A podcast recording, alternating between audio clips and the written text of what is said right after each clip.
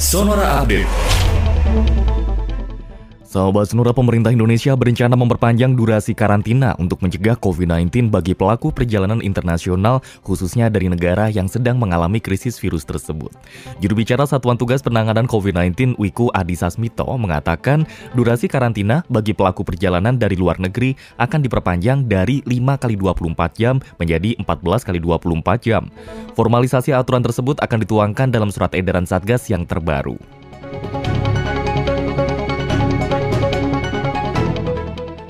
Kasus COVID-19 di Kabupaten Kudus melonjak drastis beberapa pekan terakhir.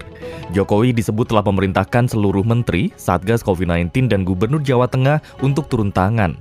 Kepala Staf Presiden Muldoko mengungkapkan Jokowi meminta jajarannya tersebut untuk mengantisipasi kondisi di Kabupaten Kudus yang mulai kewalahan menampung pasien. Kementerian Kesehatan juga telah memeriksa sampel COVID-19 di wilayah tersebut untuk dideteksi apakah penularan COVID-19 di wilayah tersebut akibat mutasi baru.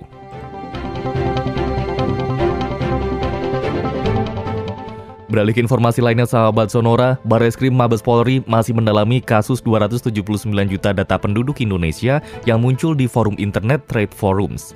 Karopenmas Divisi Humas Polri Brigjen Pol Rusdi Hartono menjelaskan hasil pemeriksaan awal terdapat dugaan bahwa data kepesertaan BPJS Kesehatan Indonesia bocor di forum internet. Dugaan tersebut masih terus didalami oleh penyidik Barreskrim Polri termasuk juga untuk menemukan tindak pidana di dalamnya.